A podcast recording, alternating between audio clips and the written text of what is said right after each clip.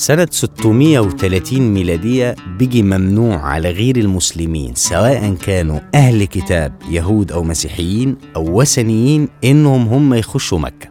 بعد 873 سنة قدر واحد اسمه لوتفيكو دي فارتيما إنه هو يدخل مكة والمدينة.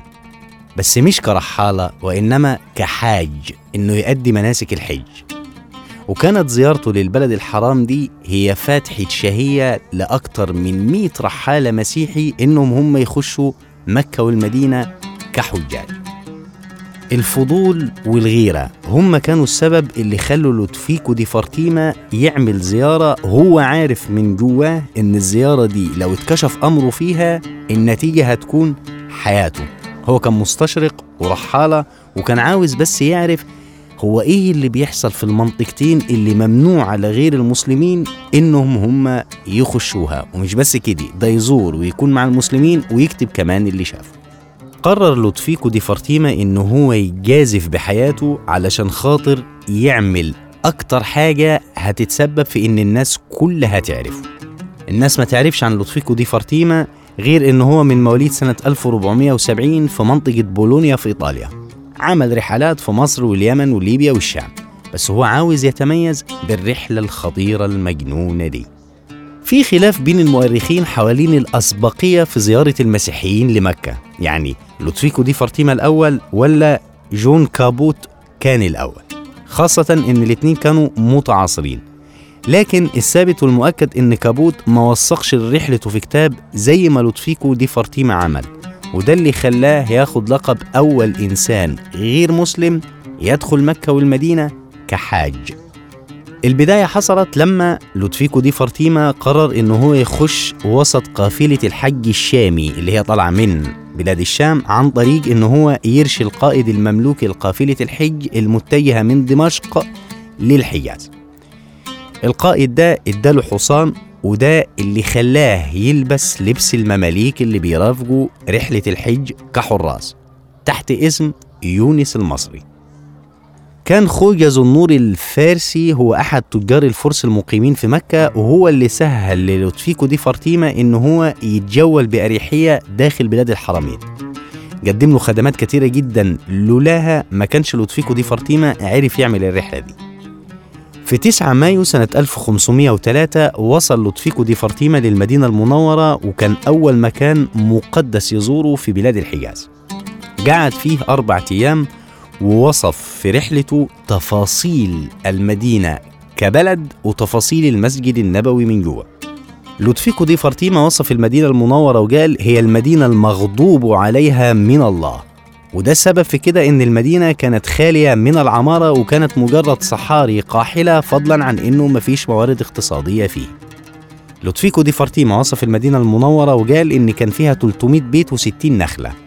واتهم لطفيكو دي فارتيما في كتابه أهل المدينة بالجهل لأنه على حسب ما هو زعم كان بيقول إن المسلمين شايفين إن الرسول مدفون في الهواء. هل المعلومة دي صح ولا هل المعلومة دي غلط؟ هنعرفها فيما بعد.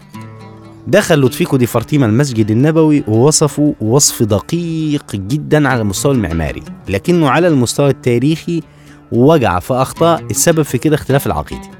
يعني مثلا لما وصف الروضة الشريفة قال هي غرفة دفن نبي الإسلام وخلفائه الأربعة وابنته السيدة فاطمة. لكن المعلومة دي طبعا غلط لأن الروضة الشريفة فيها سيدنا محمد وصاحبيه أبو بكر وعمر مش موجود فيها الخلفاء الأربعة وبنت سيدنا محمد مش مدفونة في الروضة الشريفة.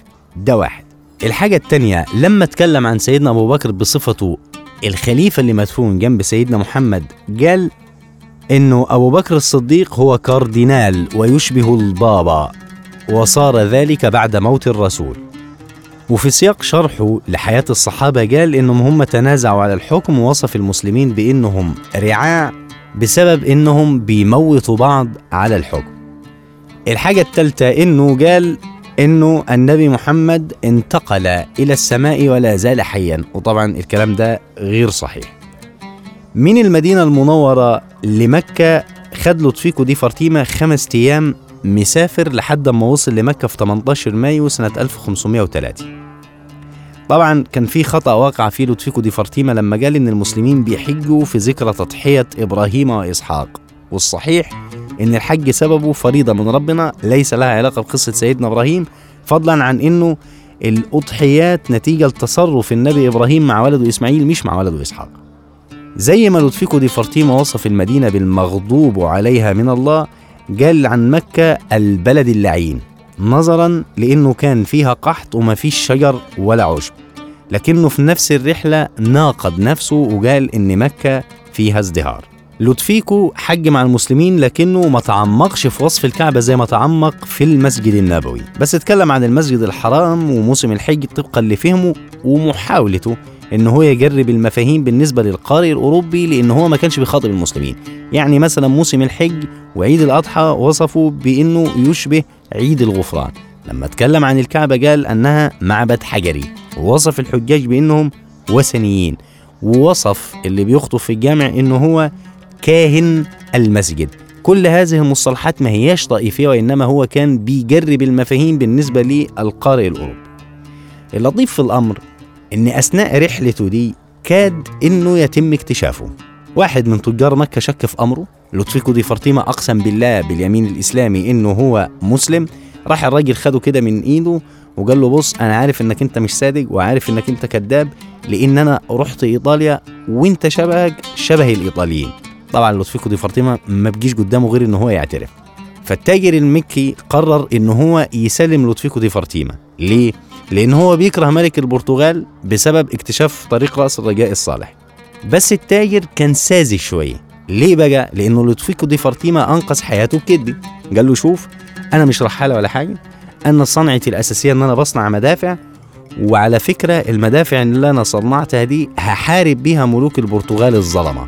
الحتة دي خلت التاجر المكي يفرح شوية وقرر إن هو يسيبه ولولا السذاجة دي ما كان للودفيكو دي فرتيما إن هو يطبع رحلته سنة 1510 أو إن هو يفضل عايش لحد 1517 اللي هو تاريخ وفاته.